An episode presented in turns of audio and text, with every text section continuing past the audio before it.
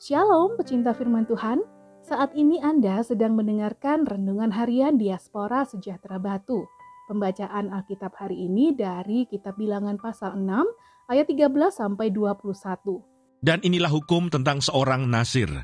Apabila waktu kenasirannya genap, ia harus dibawa ke pintu kemah pertemuan, dan ia harus mempersembahkan sebagai persembahannya kepada Tuhan seekor domba jantan berumur setahun yang tidak bercela untuk korban bakaran, dan seekor domba betina berumur setahun yang tidak bercela untuk korban penghapus dosa, dan seekor domba jantan yang tidak bercela untuk korban keselamatan. Juga sebakul roti yang tidak beragi, yakni roti bundar dari tepung yang terbaik, yang diolah dengan minyak, dan roti tipis yang tidak beragi, diolesi dengan minyak, serta dengan korban sajian dan korban-korban curahannya. Lalu haruslah imam membawa semuanya itu ke hadapan Tuhan dan mengolah korban penghapus dosa dan korban bakarannya. Domba jantan itu haruslah diolahnya sebagai korban keselamatan bagi Tuhan. Beserta sebakul roti yang tidak beragi itu, juga haruslah imam mengolah korban sajian dan korban curahannya. Maka haruslah orang Nasir itu mencukur rambut kenasirannya di depan pintu kemah pertemuan, lalu mengambil rambut kenasirannya itu dan melemparkannya ke dalam api yang di bawah korban keselamatan. Imam haruslah mengambil paha depan domba jantan itu sesudah dimasak dan satu roti bundar yang tidak beragi dari dalam bakul dengan satu roti tipis yang tidak beragi, lalu meletakkannya ke atas telapak tangan orang Nasir itu setelah orang ini mencukur rambut kenasirannya. Kemudian haruslah imam mengunjukkan semuanya itu ke hadapan Tuhan sebagai persembahan unjukan. Semuanya itu menjadi bagian kudus bagi imam, beserta dada persembahan unjukan dan beserta paha persembahan khusus. Sesudah itu, barulah boleh orang Nasir itu minum anggur.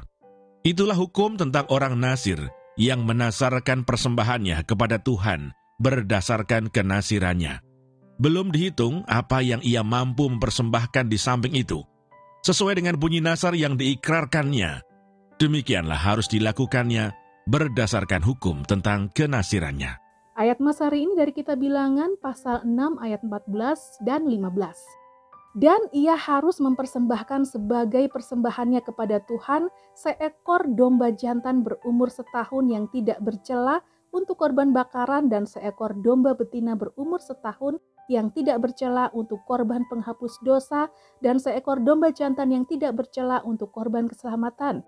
Juga sebakul roti yang tidak beragi, yakni roti bundar dari tepung yang terbaik yang diolah dengan minyak dan roti tipis yang tidak beragi diolesi dengan minyak serta dengan korban sajian dan korban-korban curahannya. Bilangan 6 ayat 14 dan 15. Renungan hari ini berjudul Memberikan Sesaji.